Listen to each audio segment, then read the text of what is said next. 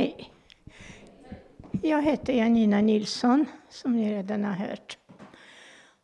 Och jag kom till Sverige 1945 med grev Folke Bernadotte. Jag brukar ha föredrag för många konfirmander, för det är den ålder jag var när kriget bröt ut. Tänk att 1 september blir det 70 år. Då var jag 13 år när tyskarna anföll Polen. Och då visste jag inte, för de förklarade ingen krig. Utan då sprang vi på stora vägen, jag och min syster som var 11 år och jag var 13. Och fick se stora tyska bilar, massa med militärer som kom till Polen. Inte för dagen efter förklarade Tyskland kriget. Och efter ungefär 14 dagar till tre veckor så returnerade tyskarna tillbaka. Så delade de Polen. Då kom ryssarna. Och hela tiden när vi gick i skolan. Jag är född i ett kristet hem. Vi hade varje morgon när vi började skolan fick vi stå på skolgården. Fick vi sjunga en psalm. Och sen när vi kom in i klassen fick vi läsa Fader vår och fick sjunga en psalm. Allt detta upphörde när ryssarna kom. För de försökte att tuta i oss att det finns ingen Gud, för Stalin var Gud. Så alla präster och allting blev internerade. Och på påsk, innan påsken då, på långfredag, för jag tillhörde till eh, ungdomar som höll vakt utanför Jesu graven då. Det motsvarande scouterna som vi har här i Sverige. Och då brukar flickorna knäböja en timme framför graven och pojkarna stod vakt på varsin sida. Och då blir det dygnet runt vi vakade över graven och då kom ryska militärer in i kyrkan och jagade bort oss då. Vi fick inte vara där. Och efter ungefär knappt två år, 41, då anföll tyskarna Ryssland. Då blev det front för andra gången som gick förbi. Och ryssarna åkte längre och längre in mot Ryssland. Och när tyskarna kom då var de sig väldigt, väldigt illa åt för att då började de jaga alla judar. Och mina skolkamrater och bästa vänner, det var väldigt många judar som bodde där. Och då jagade de från hus till hus dessa gamla människor. Och så själv satte de på hästar och red till ett stort, stort byggnad i stan där ryssarna har mördat väldigt, väldigt många människor.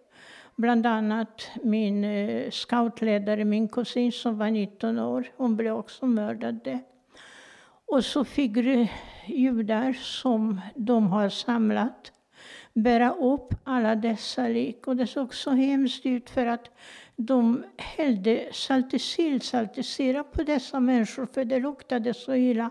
Så de var både gula och bruna och det såg jättehemskt ut. Och då fick gå folk runt och titta och leta efter sina. Det var en pappa som blev tagen bara 14 dagar innan som hade fem barn.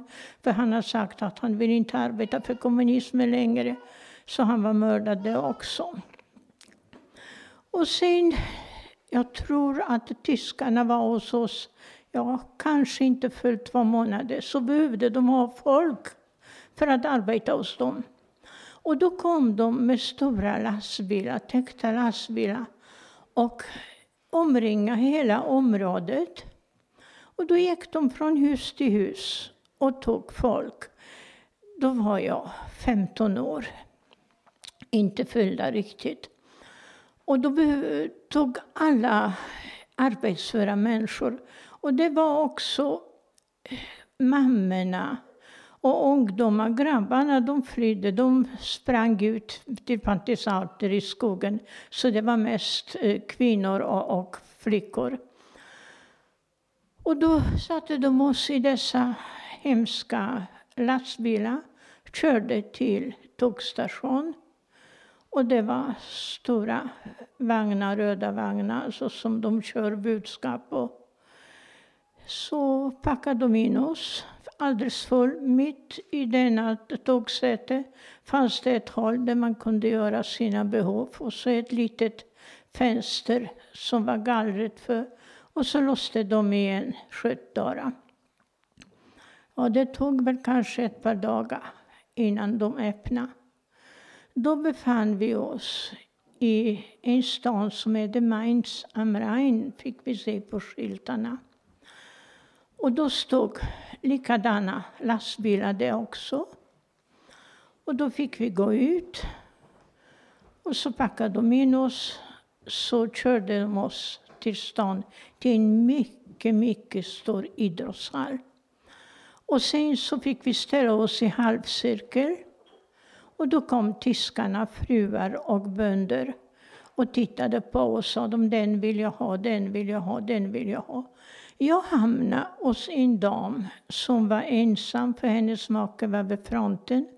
Hon hade en liten dotter som hette Inga, som var sex år gammal, och sen en liten bebispojke, jag kunde varit åtta, nio månader. Och sen hade de, om det var morfar eller farfar, det har jag aldrig fått reda på. Och sen på dagen så kom det tre, två fransmän och en polack som eh, var nere i byn, krigsfånga, som arbetade på gården där. Och sen efter när jag kom till henne fick jag lite mat, så visade hon mig ett rum på vinden. Och det fanns en säng och en liten byrå. Och sen låste hon dagen. Varje morgon öppnade hon halv fem, så fick jag gå ner. Och klockan halv elva på kvällen fick jag skura, för det var trägolv. Och så fick jag gå upp på vinden och så låste hon igen dag efter mig. Ja, jag vet inte. Alltså det där efter musik. Och ni förstår att efter tre dagar, ungefär fyra, så skulle hon visa mig i lagon. Och jag gick med henne till lagon. De hade kor och så hade de två oxar som de körde med. Och så satte sig tanten och mjölkade kon och jag har aldrig stått bredvid en ko. Så ville hon att jag skulle mjölka, fortsätta. Jag visste inte hur jag skulle göra. Jag tittade på henne. Jag tyckte att hon tryckte ihop händerna. Så det var väl så pass mycket mjölk i hinken så jag satte mig och tryckte allt vad jag kunde. Och stackars kon, hon blev så arg. Så hon sparkade till mig så mjölken rann ut och pallen välte. Och jag själv givetvis ramlade också. Och då kom denna äldre far, farbror då in. Och han blir så hysterisk, förstår ni. Och börjar skrika på tyska till mig. Att du bist faul, din polnische Schwein, alltså du är lat, ditt polska svinet. Du vill inte, du vill inte arbeta för det Deutsche Reich, du vill inte arbeta för det tyska riket. Och han hade en skärp som var, jag säkert minst 10 centimeter bred leder. Han tog av sig denna skärpen och han slog mig allt vad han orkade. Och han tittade inte och frågade vad, så jag ramlade givetvis. Och så rullade jag mig där i smutsen där kossorna och har bajsat, förstår ni. Och gubben gick och sparkade och slog mig allt vad han orkade. Sen fick jag gå in. Och sen var jag livrädd för honom. Längtade hem efter mamma, gjorde jag något alldeles oerhört. Och efter denna behandling var det mycket, mycket värre. Så gick vintermånader och till våren så hade de stora vinodlingar, Bingen am Rhein. Och då fick jag åka med, förstår ni, och binda fast de där vinodlingarna då. Och så fick jag se då att det var ett tåg. Ja, ni är så unga barn så ni vet inte, men det var ett tåg som kallas för mjölketåg förut här i Sverige på 50-talet, som stannade vid varje station. Och jag, min dumma unge, inte hade ett enda öre. Tyska kunde jag inte. Jag visste inte vad människorna hette där jag var, för jag fick aldrig komma ut så fick jag en sån hemlängtan, förstår ni, en dag när ingen observerade mig. Så när jag såg att tåget stannade så jag sprang över eh, fältet, rågfältet, allt vad jag orkade och så hoppade på tåget. För jag trodde jag skulle komma hem till mamma. Och tåget gick och lycklig var jag tills jag kom till en jättestor station, Frankfurt am Rhein. Och där stannade tåget. Och jag, min arme unge, visste inte vad jag skulle ta mig till. Så jag gick och tittade och det var mitt i brinnande kriget 1942. Och det var massor med militärer och folk. Och de började prata med mig. Och rätt som det så kom polisen. Så frågade de mig vad jag hette. Och vad jag hette, det visste jag. Men vad jag inte visste, vad jag var, var jag kom ifrån och, och, och vad ställe, stället jag har varit, vad det hette, det kunde jag inte redogöra. Och till slut så stoppade de mig i en polisbil och körde mig till fängelse. Då var jag 15 år födda.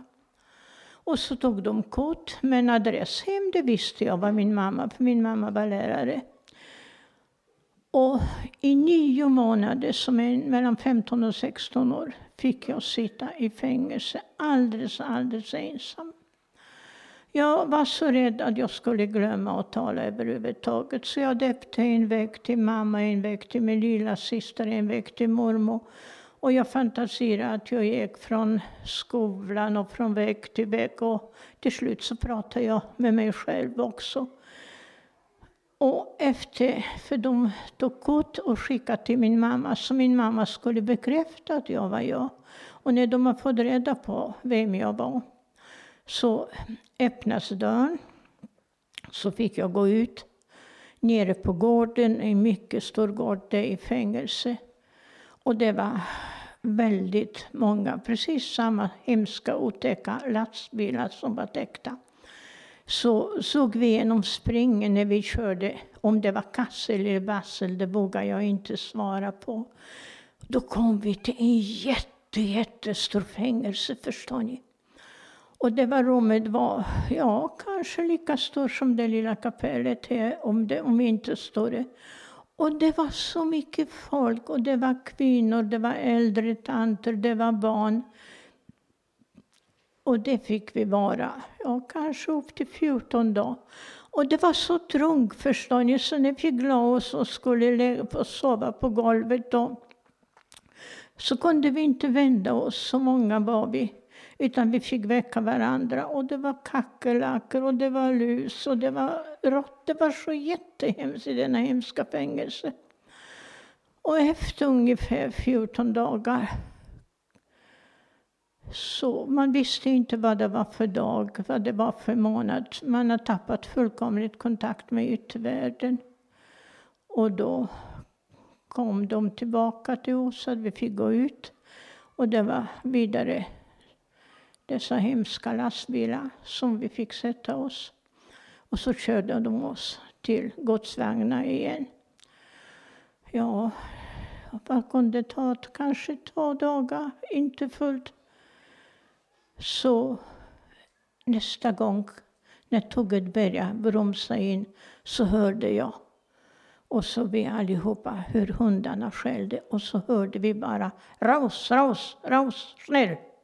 Att vi skulle gå ut och så öppnades dörren.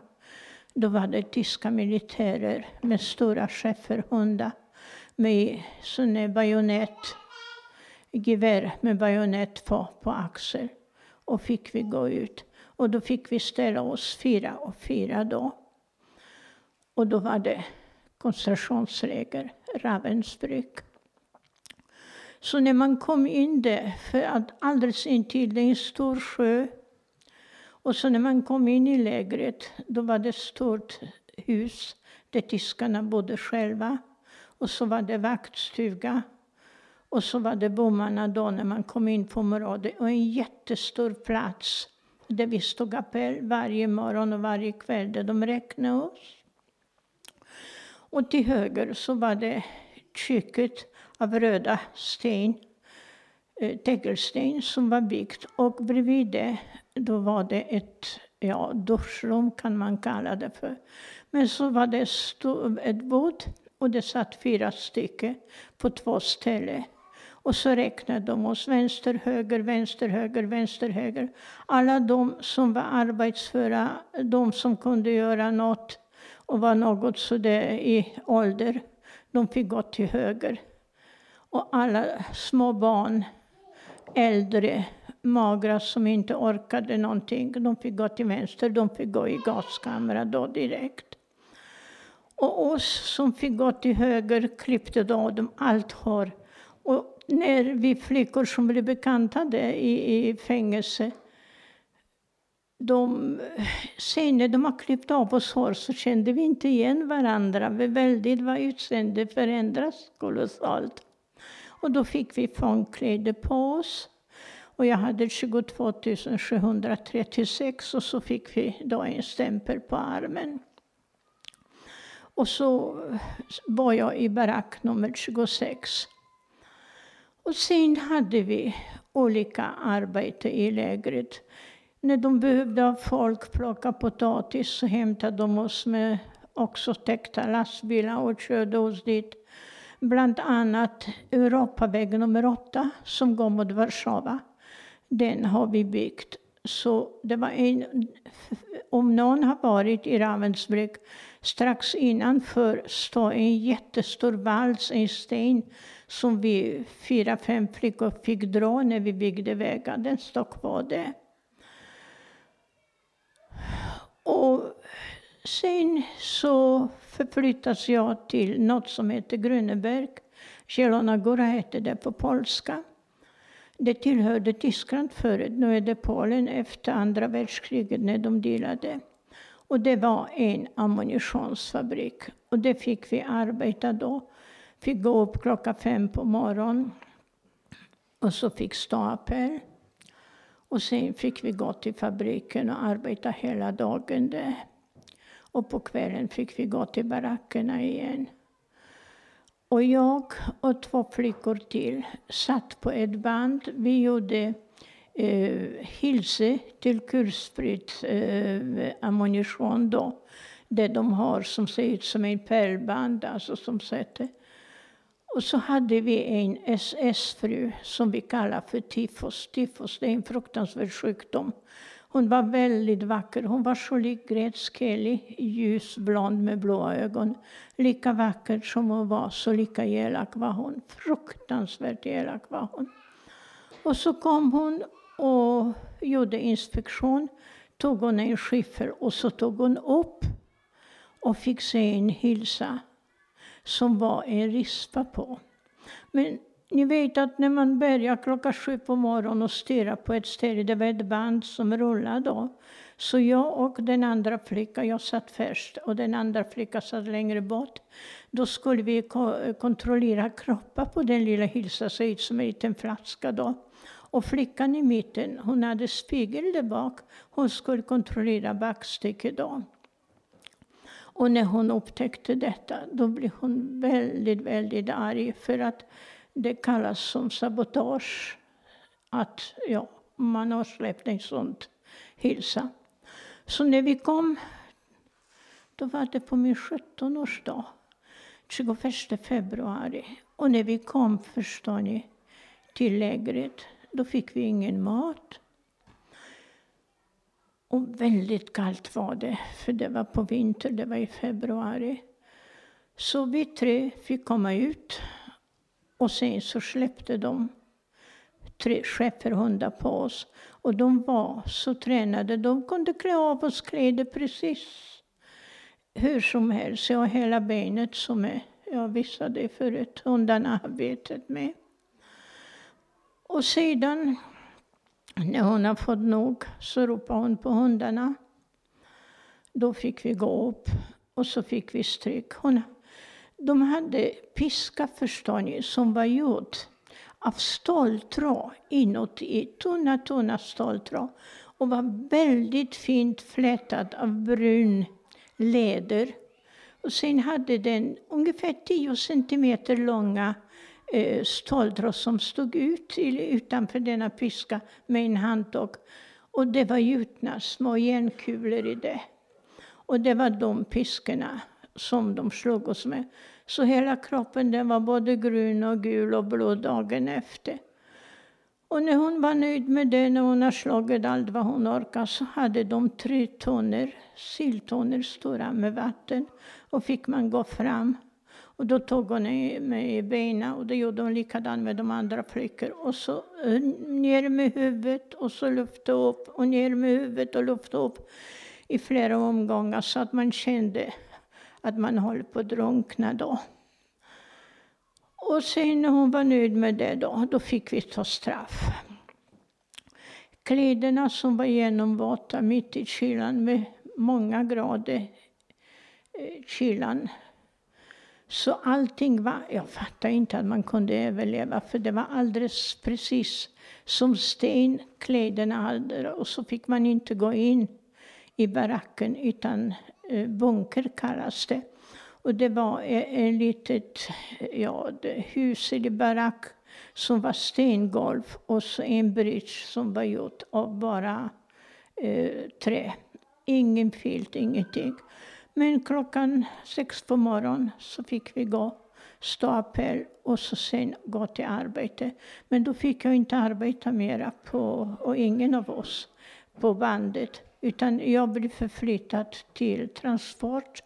För de gjorde handgranaterna också det. Och det var stora, stora lådor som man fick bära med de handgranater som var väldigt tunga. Men ja, jag var väldigt mager. Jag, jag vägde 36,5 kilo när jag kom till Sverige. Och, så det var inte mycket jag hade ork. Och så var det en tysk gammal farbror där. Och så fort jag skulle göra något så grät jag, för det gjorde så ont överallt. Och då frågade farbror, och jag visade honom då hur jag såg ut. Och då grät han. Och sen har han varit så väldigt snäll mot mig. Så tyskarna, när de åt i matsalen, personalen då, så blir det skalkerna som var över och lite potatis, så kunde han gå förbi mig och så sa han, Kinchen, Kinchen, barnet, jag har lagt lite till dig i den låda. Så att eh, han eh, tyckte väl det var väldigt synd om mig. Så tack vare honom också kanske som jag har kunnat överleva det. Men när de inte hade så stor glädje och nytta av mig där så fick de köra mig till Ravensbrück, till stora läger igen. Och det fick vi arbeta i tvätteri och olika saker där det behövdes. Men så när transport kom med nya människor, då fick vi hjälpa till. Då. Men så kom det en transport ifrån Österrike med eh, bland annat judar. Och det var en ung mamma, jag kunde ha varit kanske 22 år eller någonting sånt. Och födde en liten pojke, förstår ni. Och hon bad oss hjärtanböner om inte vi kunde rädda det lilla barnet. Och djärv som jag var, jag tyckte det var så synd om henne, så jag och två flickor till har bestämt oss. För vi visste nämligen att kriget började ta slut. För vi hörde när vi la oss på marken och när eh, kanonerna skjuter, förstår ni, om man ligger med huvudet på marken så hör man att marken, precis som den jämrar sig, oh, säger det, oh. Och vi hörde att det kom närmare och närmare, närmare. Så vi förstod att kriget började nästan ta slut, för det var massa med flygalarm och flygplan då. Och då bestämde vi oss att vi skulle rädda det lilla barnet. Den var inte med ett par timmar gammal. Så jag eh, fick ett litet... Vi tänkte om vi flyttade den till min barack på 26. Vi var bara äldre det. Så vi kunde ta, kanske rädda det lilla barnet nu när kriget var slut. Och tur hade vi, något alldeles oerhört. För att det var ett litet, litet stycke lakan och jag ville in barnet och så hade jag den under jackan. Och två flickor till, vi skulle gå. Och precis när vi kom, där vi stapel, så kom tifos, förstår ni. Och vi blev alldeles stela. Och så kom hon fram. Och så, säger, så gick hon och rökte cigarett och så skrek hon. Hon trodde vi var i köket, för det var alldeles intill köket, att vi har stulit mat där. Och så skrek hon, vad har du det? Och då var jag tvungen att berätta detta. hon blev så arg, förstår ni. På det första så ryckte hon jackan upp och tog det lilla barnet i benet. Och så skriker hon alldeles hysteriskt. Ist das eine kleine Judeschweine? Det ett litet judesvin. Och tar det lilla barnet i benet och bara slänger rätt emot vägen. då, mot det, det där Eh, tegelvägg då i köket. Så det bara eh, ramlade ner en liten klump. Och så skrek hon, så hade hon cigarett, så hon släckte cigarett på bröstet på mig. Jag visade fläcken där. Och så skrek hon, denna gången klarar ni er.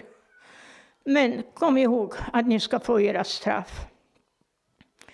Men sen fick jag straff i ett och ett halvt år innan kriget tog slut, innan Folke Bernadotte kom, fick jag sopa krematoriet och köra ut i skottköra resten av förbrända människor i krematoriet. Krematoriet stod kvar, jag var där för tio år sedan. Så det stod kvar precis som när jag var där. Och det var tänder och det var benrester, allting fick jag sopa. Och så fick jag köra det till sjön och fick hela askan i sjön. Ända tills greve Folke Bernadotte kom så livet i lägret var svårt. För det första så fick vi ingen mat. På morgonen så fick vi lite, ja, varmt någonting. Det skulle kanske motsvara kaffe. Det var sed när de brände och kokade. Det var precis motsvara kaffe då.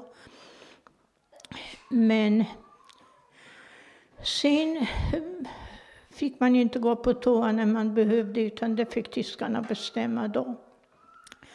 Och så var allting snäll, snäll, allting skulle gå så fort. Och sen vid tvåtiden så kokade de, antingen var det kålrötter som kokade som soppa eller potatisskal eller någonting sånt. Och på kvällen när vi kom hem fick vi ett stycke bröd. Och den var så svart, så svart så. Men så hungrig man var så ville man äta upp det. Men så tyckte man till dagen efter Gömde man det under kudde så var det någon som hade stulit den på natten. Alla var lika hungriga.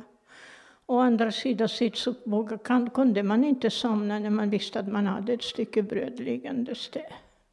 Så att hunger, egentligen, det var det värsta som finns. Ni kan inte ana hur fruktansvärt det är att vara så hungrig.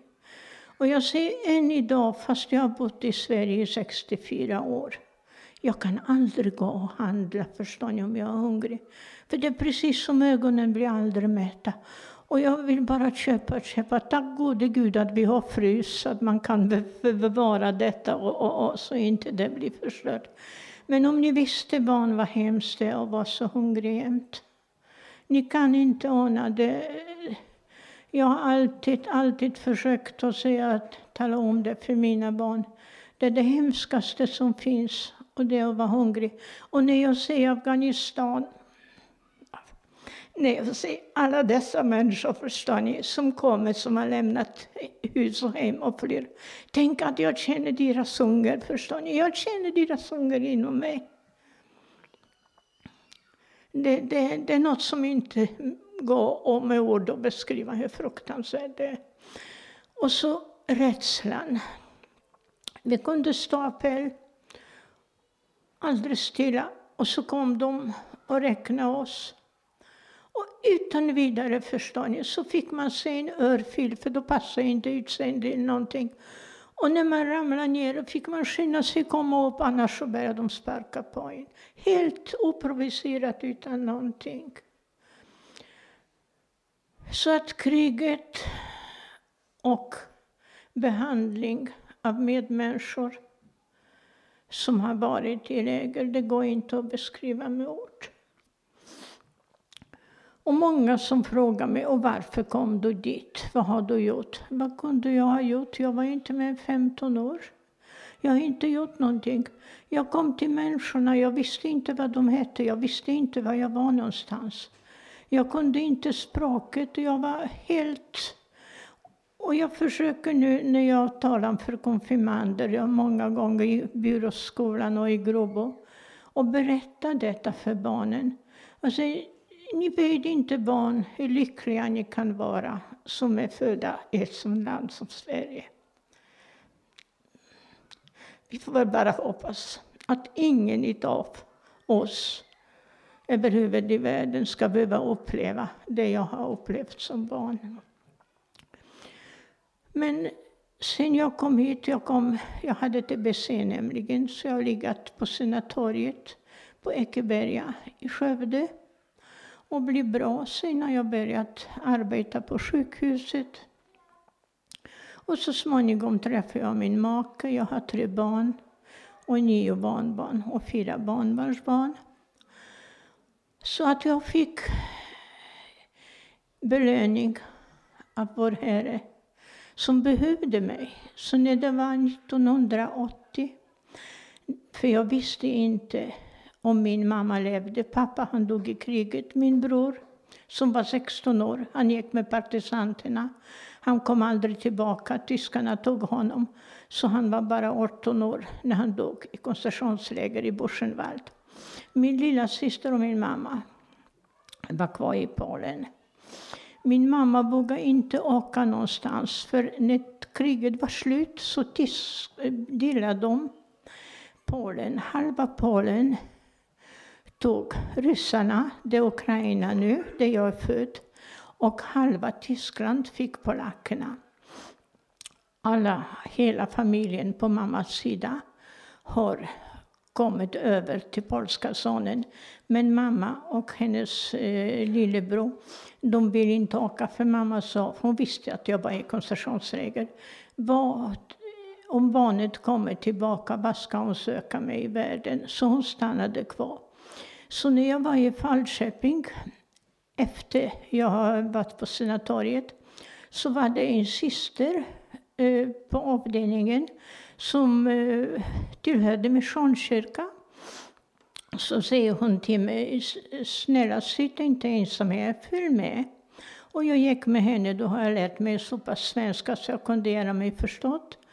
Och då sa hon att en av pastorerna skulle åka till Warszawa då om jag skrev ett brev, för jag skrev till Röda Korset och min mamma också gjort, och så var det bara, eh, det fanns ingen adressat. Och han tog detta brevet, jag förklarade var jag var född, var jag bodde, var min mamma arbetade. Och han tog detta brevet och lämnade till kyrkorådet i Warszawa. Och långt om länge så hittade de prästen som konfirmerade mig och som döpte mig. För prästen hade deras villa mitt emot våra.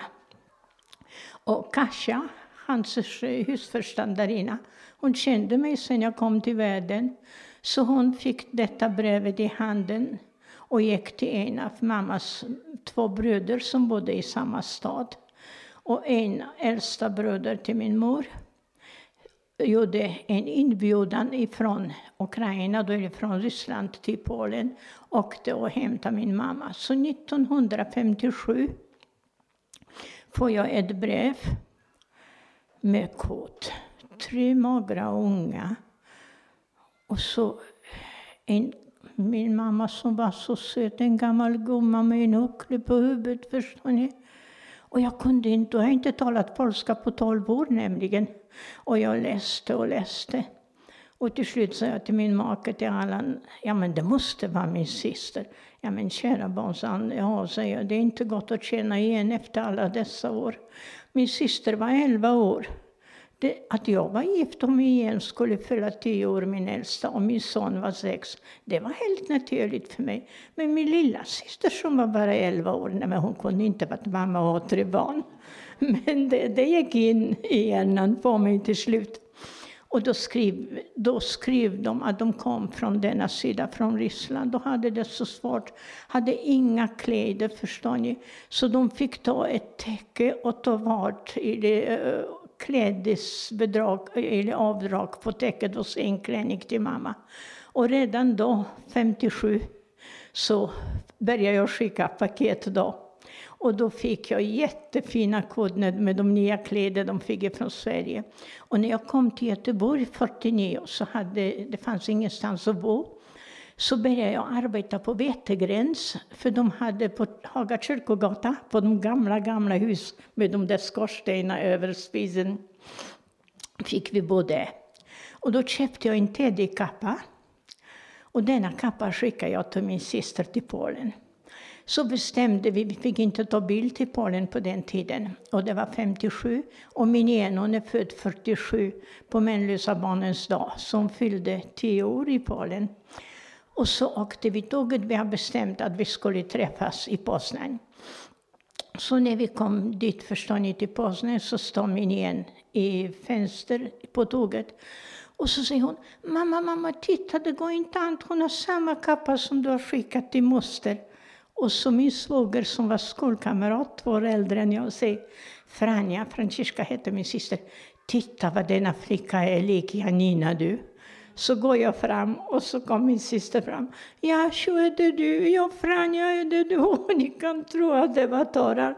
Och det var tårar så det var något alldeles efter alla år, från 1941 till 57. Men det var någon debatt och sen innan vi kom hem så jag fick träffa mamma. Jag tror hjärtat satt långt här uppe i halsen. Vet men det var underbart då. Och sen har jag hållit kontakt med dem och varit hälsa på. Och strax innan krigstillståndet, då fick jag reda på att på berget där uppe finns det ett barnhem där förståndarinnan hade så väldigt, väldigt svårt. För att eh, föräldrar till barnen har blivit internerade för de tillhörde Solidaritet. Och hon, med risk för sitt arbete och risk överhuvudtaget att bli internerad, utrymde tre eh, av rummen och tog hand om tre familjer, två med fem barn, en med sex. Och tog hand om dessa barn. För de var lämnade hos mor eller farföräldrar och på den tiden var resoneringsgott, så de kunde inte ge dem någon mat. Så det är därför hon tog hand. Och jag tyckte det var så fint gjort så tänkte jag, nej, jag har varit med i Rädda Barnen i många, många år och haft väldigt fin kontakt med dem. Och då tänkte jag, nej, jag måste göra något. Och innan dess så har vi gjort en jättestor insamling för Rädda Barnen då, som vi skickade ner. Så jag gick till barnhemmet och presenterade mig att jag bodde i Sverige och är det så att de behöver ha någon hjälp så skulle jag försöka att göra någonting. Och det var 27 år nu i påsk då. Och hon var lite, lite misstänksam. Jag vågade helt enkelt inte arbeta direkt med dem, för jag hade min familj där. Men indirekt genom kloster, genom systrarna, eh, så kunde jag göra mycket för dem. Så när jag åkte hem så den första jag ringde det var katolska kyrkan, men de har slutat sin insamling. På Rädda Barnen har vi slutat. Och då ringde jag till Rädda Korset, men det måste vara en systerorganisation och det hade jag inte. Och så tänkte jag, ja men skolrektor i byråskolan där mina barn har gått. Jag ringde honom och berättade detta. Så sa han, det är klart Janina, jag kommer ihåg dina barn. Kom hit så får vi pratas vid. Nettefors hette han, rektor. Och jag kom dit och berättade detta, så sa han, vet du vad? På tisdag har vi föräldramöte. Om du kommer hit och berättar det du har berättat för mig, får vi se vad vi kan göra. Och jag kom dit och Barbro Lindberg, hon var hennes första klasslärare när min son som blir 57 år nu den 4 eh, augusti nu, han var hennes första klassare och hon var förståndarinna i den klassen. Och hon arbetade i många år genom IM, individuella människohjälp. Hon har varit nere efter kriget och delat ut kläder i Nürnberg och sådär. Och ni vet, inom tre veckor så har vi samlat så kolossalt mycket med kläder, med pengar, med allting. Och tack gode Gud, säger jag, käre Herre. Jag har arbetat inom spårvägen, så jag har kört buss nummer 39 i Byrås i 12 år. Och jag hade alla mina behörigheter A, B, C, D. E. Så sa jag till Barbro, nu åker jag till Vagnefors. 1404 Nilsson var det på spårvägen. Och så hyrde en lastbil, förstår ni. Och vi packade och packade. Och det blir så mycket kvar. Jag sa, men då åker jag ner och hämtar en släp. Ja då. Och vi hade en härlig förstår eh, eh, som vi har samlat ihop. Ost, margarin, eh, smör, ja, ja, och frukt förstår ni. Så åkte Barbro Lindberg med mig, en flicka från åttonde klass som hette Jenny och skolvärdinna Inger Clemensson. Och så åkte vi iväg. Och det var precis nu i påskas, 27 år. Och det var bommarna och det var massa med militärer. Men man kunde ju språk så man gjorde sig förstått med dem. Och när vi kom till barnhem, om ni visste vilken glädje det var. Och sen dess har jag hållit på år efter år. 1990 var jag där nere 18 gånger på ett och samma år. Jag sov mera på båten än jag har sovit hem. Och så, på så sätt, när jag har föredrag för barnen, när jag har föredrag på gemensam träff, så får jag lite pengar då och så sparar jag och sparar. Och när jag har sparat ihop, då åker jag till Vagnefors och så hyr jag lastbil och så kör jag ner.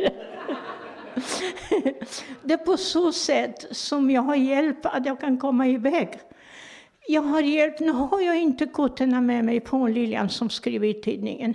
Så ni vet, en dag när jag kom dit i september och det var så där ruggigt ute, fick jag se en sån där flicka som var inte större där. Och så gick hon så, och så vände hon ansiktet. Det snöade blandat med regn. Så kom det en dam, så sa ursäkta mig, vad är det för en liten flicka som är så gammal ansiktet, säger jag. Ah, det är inget att bry sig om, det är en alkoholistunge, säger hon till mig. Och jag har inte långt till tårar. förstår ni. Tårarna bara kom och så tänkte jag, käre gode Herre, inte nog att ödet är så elak mot det lilla barnet. Hur kan människorna peka finger och vara så elak? Äh, jag blir så betagen. Och jag lovar mig, jag lovar mig inombords, ditt och heligt, Gud hjälp mig, hjälp mig Gud att jag ska hjälpa denna flickebarnet. När jag kom hem åkte jag till Rädda Barnen Helen Dreyer och berättade. Så säger Helen, tror du att vi kan göra något? Jo, då, det tror jag, sa jag. Jag ska hjälpa dig. Åk ner och hämta flickan. Ja, då fick jag, ringde jag till Guldheden till eh, Diakonissa dit. Och jag visste att de hade två folkvagnbussar som de hade för konfirmander. Och så säger jag, snälla Violet, och berätta mitt ärende. Tror du inte jag kan få låna en folkvagnbuss så jag kan hämta Kristina, hette flickan. Då var hon bara 22 år. Hon hade någon eh, Birgenkrankheit, hette det på tyska. Det är väl eh, kallbrand blir det väl på svenska då. Så när hon var 18 år fick de amputera nedanför knä det ena benet, när hon var 19 det andra. Och hon har gått på knä i fyra år. Hon kunde aldrig ta sig ett glas vatten eller någonting. Så fick jag lov att låna. Och min dotter Jane som arbetar på Stäteret, hon har sjuksköterskeexamen, så hon fick åka med mig. Och vi åkte och hämtade Kristina. Och när jag kom dit och skulle hämta henne så säger hon, tant Nilsson, jag vet inte om jag kan åka med för att jag har, eh, sjukdomen har börjat sprida sig nu. Så nu vill de lägga in mig och ta bort mina ben ända upp till, eh, ända upp till höfterna. Och så har jag fått eh, då på vänstra armen, de ska ta bort i armbågen. Och då tänkte jag, gud, då ligger det en koll i det. Nej, vi måste göra något. Så sa men vänta Nilsson kan väl få prata med doktor. Och när jag kom ner och presenterade mig, det var en kvinnlig läkare. Och då så sa hon, ja men jag tror inte att det kommer göra, hjälpa någonting för sjukdomen har spritt sig. Jaha. Eh, var bor ni någonstans i Sverige? Jag säger Göteborg. Och jag som har praktiserat i Kungälv ett halvår, så det ser ni att världen är inte så stor. Men då fick jag tillåtelse. Och då hämtade vi Kristina. Jag har kort på och då fick hon nya proteser. Två gånger har hon varit här hos mig. Och vet ni hur gammal Kristina är idag? 42 år. Är det inte härligt? Är inte det uppskattning? Är inte det belöning av vår Herre? Sen kom det en mamma och så säger till mig att hennes son som var 12 år vart och skulle plocka svamp, för polackerna älskar svamp. Och det var stora elektriska stolpar, förstår ni, som var av stål. Och den var strömförande 16 000 watt. Och det var svamp under. Han skulle ta denna svampen och så fastnade med ena handen skulle hjälpa till med den andra. Så han hade inga händer hit. Han åt så, förstår ni, och inget. Så den tog jag också hit och han fick handproteser. Och killen han är 30 år, han har vunnit guldmedalj för handikappade och han är ledare för handikappade. Så kom det en mamma och grät fruktansvärt att hon har fått en liten dotter som har baby. Och hon har bara sex veckor kvar att leva. Och det finns inget hjälp att få i Polen. De har inga resurser. Och så kom jag till Östra och mormor, hon är känd, mitt barnbarn Rebecka, som haft cancer, legat på avdelning 22. Så jag är mormor för hela avdelning 22 på cancerkliniken där. Så åkte jag dit till Östra, pratade jag med läkarna. Jo, de skulle hjälpa mig. Och då fick jag också, Rädda Barnen hjälpte mig, så fick jag ringa till Violet igen och så fick jag låna bussen. Och då åkte jag ner och hämtade lilla Gosha som var bara fyra år. Och Rebecka är född i februari 91 och Gosha var född den 7 maj 91. Och jag jämförde de två, min lilla Rebecka och lilla Gosha. Och så kom vi hit. Och det lilla barnet som hade sex veckor kvar att leva, hon kom hit. Det stod mycket i Göteborgs-Posten på den tiden. Och när lilla Gosha skulle opereras, de kunde inte ge oss garanti på sjukhuset på Sahlgrenska. Men det är ingen som kan ge oss garanti. Och så sitter vi i rummet. När de tog henne på operation så kom även läkare som opererade. Dra av sig masken, ta av sig handskarna. Så säger han, Janina, den lilla hjärta, slå själv nu. Oj, impulsivt som jag slängde mig om halsen på honom vet ni, och grät och glädjetårar. Vet ni. Så säger mamma, kan vi inte få se henne? Och så frågar jag läkaren, ja visst. Och när vi kom dit, mamma knäböjde, förstår ni. För lilla Gosha hade blåa naglar, nästippen och munnen var blå. Och mamma knäböjde och tittade på henne och så säger hon, lilla barnet, när de tog dig så såg du ut som en omogen plommon och nu ser du ut som en nyfödd liten griskulting Aldrig själv. Och det var en jättefin jämförelse, förstår ni. För hon var alldeles blå och det blå var helt borta. Och mamma kunde inte begripa. Och vet ni, lilla Gosha, hon var 28 år i år, i, i maj, precis som min lilla Rebecka. Men så Fyra månader bodde jag på sjukhuset med det, och Rebecka också, för att hålla sällskap och som tolk givetvis. Och så tog jag lilla Rebecka med mig till Polen, för jag skulle avsluta detta så fint som möjligt, förstår ni. Och så gick barnen, och det var när de eldade så blev det istappa. Och de eldade med kol, förstår ni, som luktar vedervärdigt. Och så gick barnen och slickade det. Och det gjorde min lilla Rebecka också, som var helt steril i landet som vi hade, förstår ni. Som fick salmonella. Hon hade salmonella hela september, oktober, november. I december då var hon aldrig slut. Då var hon inte fem år följda, för det skulle hon fylla i februari. Och då visade det sig att hon har fått eh, salmonella och blir inlagt. Och när de skulle tvätta ungen så upptäckte hon att han hade blåmärke i häftet. Så säger Pia, hon har inte kunnat slå sig här. När läkaren kom tog de proverna så visade det sig att Rebecka fått leukemi. Och så fick hon behandling och Gunilla eh, var överläkare där. Hon var med i Rädda Barnen också. Och så klarade de henne. Och nästa gång, efter ett och ett halvt år, hon tappade ju håret och allting. Efter ett och ett halvt år, förstår ni, så var jag, då var det en liten flicka på sju år som har fått tumör i urinblåsan, de skulle operera bort. Och bad dem om hjälp. Och jag ordnade så att jag fick komma hit med flickebarnet. Så jag åkte ner till diakonisystrarna där med hjälpsändning och så skulle jag ta flickan hit till Sverige. Så ringer de till mig. Och innan jag åkte så tog jag Rebecka på knä och så klappade henne.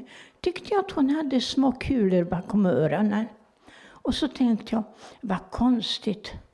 Men efter en vecka, det var precis som pepparkorn, och efter en vecka så var det nästan som skogsnötter. Så säger jag Pia, har du sett vad, vad stora kulor hon har bakom henne? Mamma, du ska inte kladda på henne. Vi har fått proverna i måndag så allt var bra. Jaha. Så säger Rebecka, du mormor, hur länge ska du vara i Polen? Ja, säger älskling, tre veckor. Mormor, så länge, då känner du inte igen mig när du kommer. Ja, men det är klart att jag är. Älskling, det är bara nu denna söndag. Nästa söndag är mormor borta. Men söndag, därpå är mormor hemma. Och då går vi till kyrkan. Vi brukar gå till byråkyrkan då. För att Lars Perssons, Hanna och barn, Rebecka fick inte lov att vara bland folk. Då det var eh, under mässan satt hon bredvid mig. Men sen när vi gick och dricka kaffe så fick hon inte vara bland folk utan eh, rummet bredvid kafferummet det, Det fick Hanna och så ta hand om Rebecka då. Och, det var, du vet, och så ringer telefonen att Rebecka har fått akut lymfcancer. Hon vägde 16 kilo när jag åkte. Och hon vägde nio kilo, förstår ni, när jag kom hem. På dessa stackars tre veckor, förstår ni, det fanns icke ett hårstrå, varken på ögonbrynen eller ögonfransar i det håret. Så innan jag kom till Sverige trodde jag att mitt etta skulle hoppa ut, förstår ni. Så kom jag, hela familjen väntade att Rebecka skulle dö. Och så knäböjde jag mig och så klappade jag och sa Rebecka, Rebecka, mormor har kommit. Hon bara tittade och så slutade hon ögonen. Så säger sköterskan, nej men Rebecka sa jag inte att din mormor skulle komma. Och då gjorde hon så. Hon var på gränsen att dö förstår ni. Och då gjorde hon så, titta. Mormor, vad jag har längtat efter dig. Och tårarna, jag har aldrig sett så stora tårar på ett barns ögon förstår ni. Och så slutade hon ögonen och så tittade hon. Mormor, du får aldrig lämna mig med. Nej, då barnet sa mormor ska stanna hos dig. Och så, då fick familjen som har väntat dig en hel vecka och vakat över henne åka hem. Men om ni visste den natten vad jag bad, vad jag har bett. Jag säger, kära Herre, käre gode Gud, du vet hur mycket människor som behöver ha min hjälp. Jag ber dig, käre Herre, ta inte Rebecka ifrån mig. Jag lovar dig, Gud. Jag lovar att jag kommer göra allt vad jag kan för min nästa. Ta inte min Rebecka, det käraste jag har ifrån mig. Jag var så innerligt, förstår ni. Jag kände Herrens andedräkt inom mig. Och kan ni tänka er att jag blev bönhörd? Jag blev bönhörd på 15 barn som har varit sjuka som Rebecka, det är bara hon som lever. Är det inte underbart? Är det inte underbart att ha en Gud, ha en Herre, kunna be till och få hjälp? Det, det, det. Jag kan inte bryta det löfte jag gav till Gud. Jag kämpar ända i det sista för att hjälpa andra, och jag kommer att göra. Jag har fått cancer själv på mina lungor, men det bryr jag mig inte om. För att jag fick reda på, då var jag inte fylld 82 år, och så sa de till mig att jag har två tumörer på vars, ja det var en centimeter i diameter. Och så ville de ta biopsin, så det gör vi inte, vi rör det inte. Varför det? Jo, har vår Herre gett mig 82 år på denna jorden och är det dags för mig att lämna det, då tackar jag både för det goda och det onda jag gått igenom livet. Men Gud vet vad jag har att uträtta ännu, att jag behövs ännu. Är det så att vår Herre vill ge mig några månader, kanske ett år, lite till, så tar jag ödmjukt emot och tackar Gud för det. Så tittade han på mig, överläkare på IK, och sa vilket underbar syn du har på livet. Ja, men det har jag. Vi kan inte rå över varken födsel eller döden. Jag tar emot det Herren ger mig. Jag har haft väldigt otur nu. Jag har varit världens piggaste kärring, världens tuffaste kärring. Jag kör mina lastbilar. Och jag råkade ut för två och en halv månad för något så fruktansvärt. När jag kom framför min garage, och det var till påsk, som jag var så viktigt för mig att komma ner till Barnhem. Kör fram, jag bor mitt emot Byråskyrkan. Alldeles intill vägen. Jag har bott där i 60 år. Kör framför garaget. Ska gå ut, öppna garagedörren mitt emot busshållplatsen. Stänger av motorn, drar upp handbromsen, tar in ettan växel och ska gå ur bilen. Så hör jag, det kom från Gibraltargatan, en väldigt stark motor. Och så hör jag bara den tvärbromsa och uthoppade någon. Så ser jag i spegeln innan jag kommer ut. En pojke springande mot mig. Och jag trodde kanske att han kanske ville något, men jag hann aldrig att reagera för ungen tar mig i armen och slänger ut mig ur bilen. Och jag stod på ett ben så jag tappade balansen och satte mig på asfalten där. Och bakom mig hoppar han ner och sätter på motor. Och så ligger jag där, kunde han inte stänga dörren så han knuffade mig så jag ramlade, jag har väldigt ont i min arm. Jag ramlade och stängde han igen dörren. Och så tänkte jag, Gud, alla mina pengar, respengar och min väska. Och så tänkte jag, backar han nu så kommer bägge hjulen att köra över mig. Så jag reser mig fort och öppnar dörren. Tack gode Gud att jag hade kappan på mig och att jag hade mina hemnycklar där.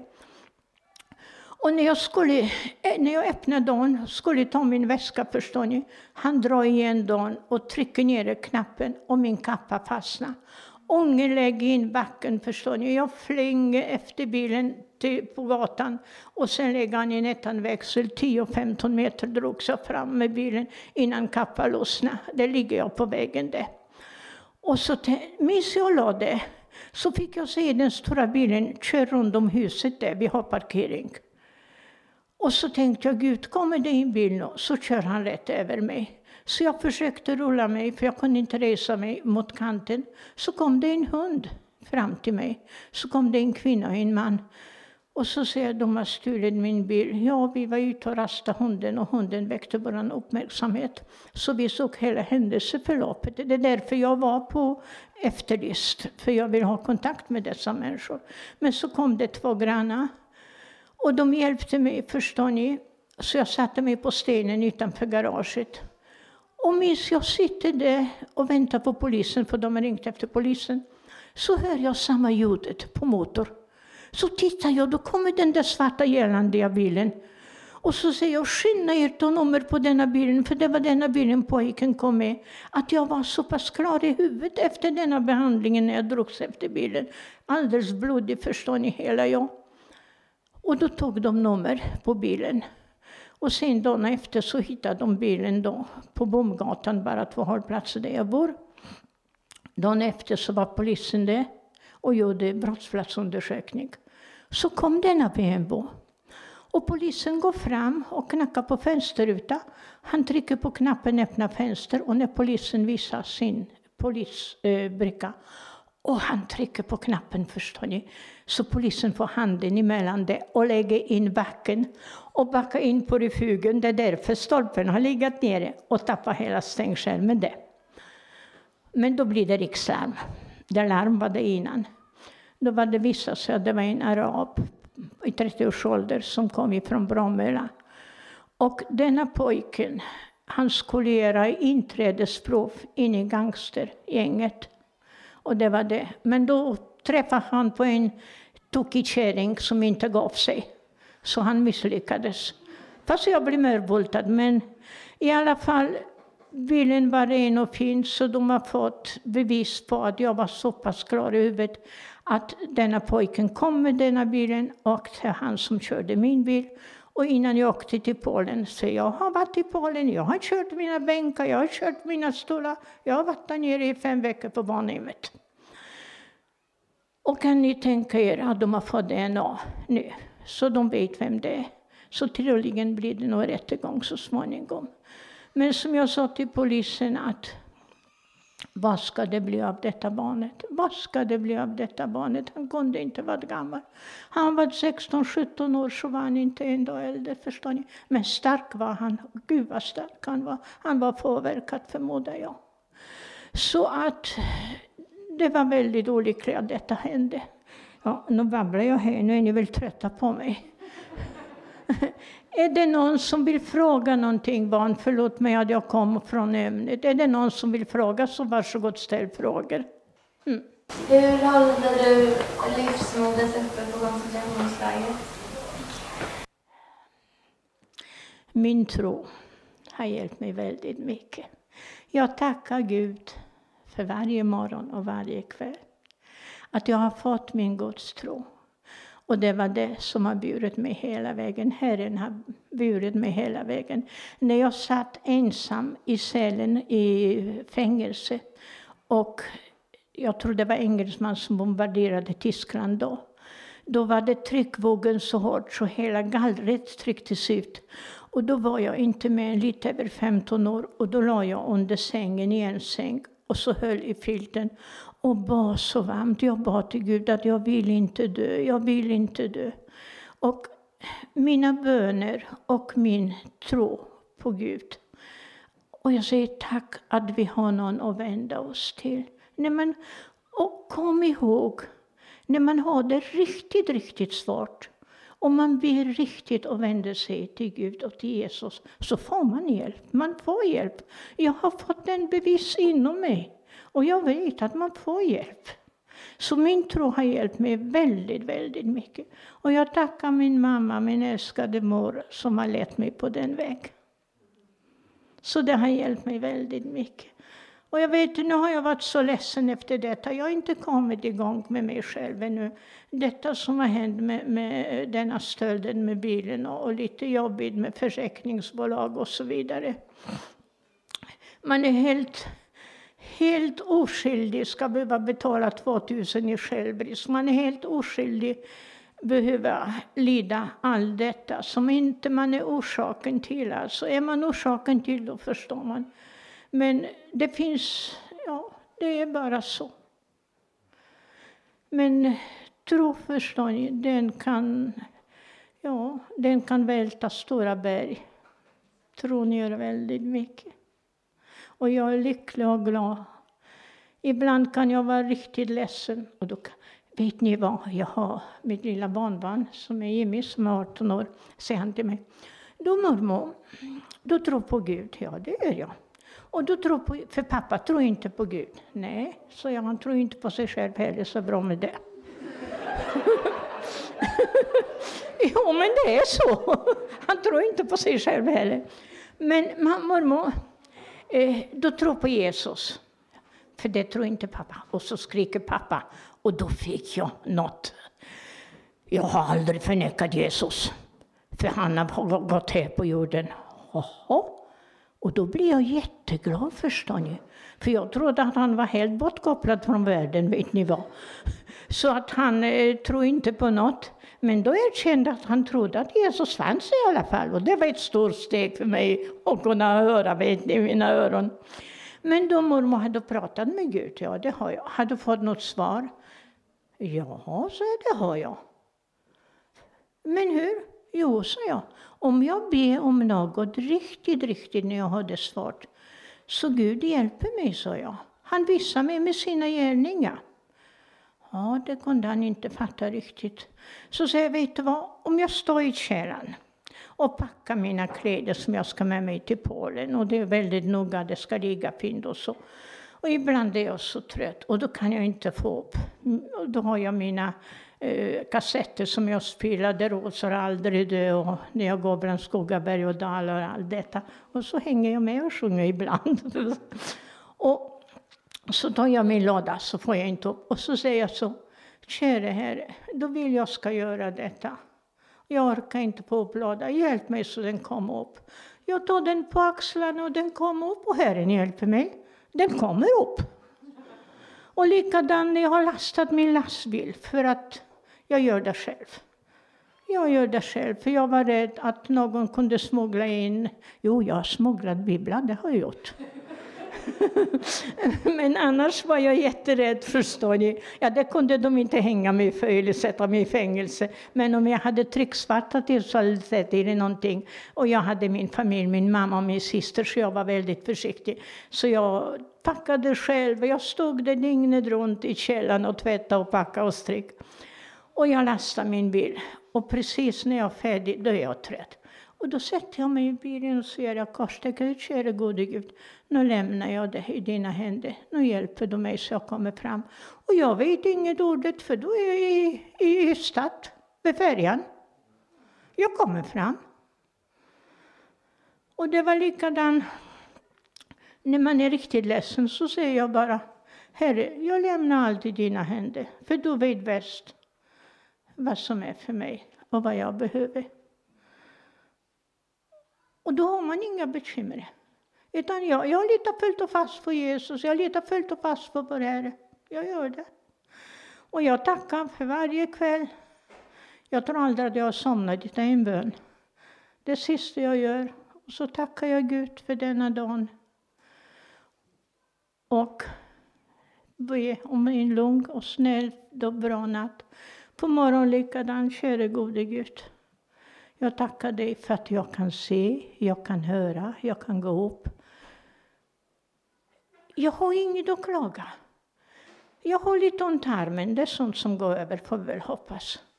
Jag har en bra matlust, jag sover gott. Jag har inte ont något speciellt. Vad är det jag har att klaga? Jag äter som en grisskolding utan, utan det syns. Och jag mår jättegott. Men jag har lämnat allt, alla bekymmer. Herren bär dem mot mig. Och jag mår bra. Jag ber bara att detta, ja, psykiskt sett är jag knäckt efter överfallet, det måste jag erkänna. Och jag ber och ber och jag hoppas att jag blir bönhörd i detta också. Att Herren hjälper mig att jag kommer över detta. Det är jobbigt att dras med. Är det någon som vill fråga något? Mina söta barn, ni har varit så söta och snälla. Mm. Ja. Då tackar jag så hemskt mycket och tack för att jag fick komma till er. Och är det någon som vill ha någonstans något föredrag för skolbarnen eller något. Jag har varit på Öckerö och hade sju, åtta och nio klasser innan de åkte till koncentrationsläger i Polen och förklar, berätta om lägret och det var väldigt uppskattat. Och jag har mina konfirmander i Grobo och jag åker runt och berättar om elände.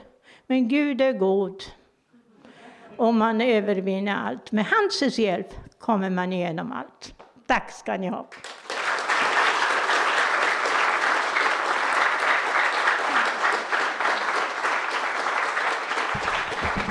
Tack ska du ha för denna fantastiska berättelse. Ehm, vi är ja, förstummade. Jag vet inte vad man ska säga efter en sån berättelse om ett sådant liv. Och man undrar ju lite grann hur Ja, jag undrar hur du tänk, känner för tyskarna till exempel. Det är visserligen länge sedan, men hur tänker du? Men då ska jag säga det, det är många som säger, för det, när jag, nu skryter jag förstås, för jag talar både tyska och ryska och jag kan fem, sex språk. Så jag tar hand om ryssarna och ukrainare och polacker och så vidare. Men det är många som säger till mig, hur kan du lära dig att prata tyska? Men de människorna som har levt då, de är borta. Och jag kan inte skylla på deras barn, vad deras föräldrar har gjort. Och när det gäller språket, språket har inte med människorna att göra. Jag tycker det är underbart att kunna prata både ryska, och tyska, och ukrainska och svenska. Och jag brukar ha eh, på Klädesholmen barnen som är från Vitryssland på tabernaklet där, som jag bor med dem. Och likadant kommer barnen till Vibo nu ifrån Ukraina, så jag ska vara med och jag ska åka med dem till Ukraina.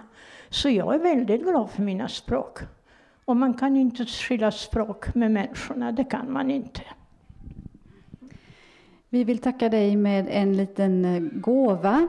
Den här kvisten symboliserar nu eh, ett antal träd som är planterade i något trädplanteringsprojekt. Varsågod. Sen vet jag att du har med dig lite bilder och lite tidningsurklipp och sådant som du säkert gärna delar med dig av. Så att du, Janina stannar här en liten stund. Ja. Så om det är någon som vill prata mer med henne så kommer hon att finnas här en stund till då. Mm. Men då säger vi ett stort tack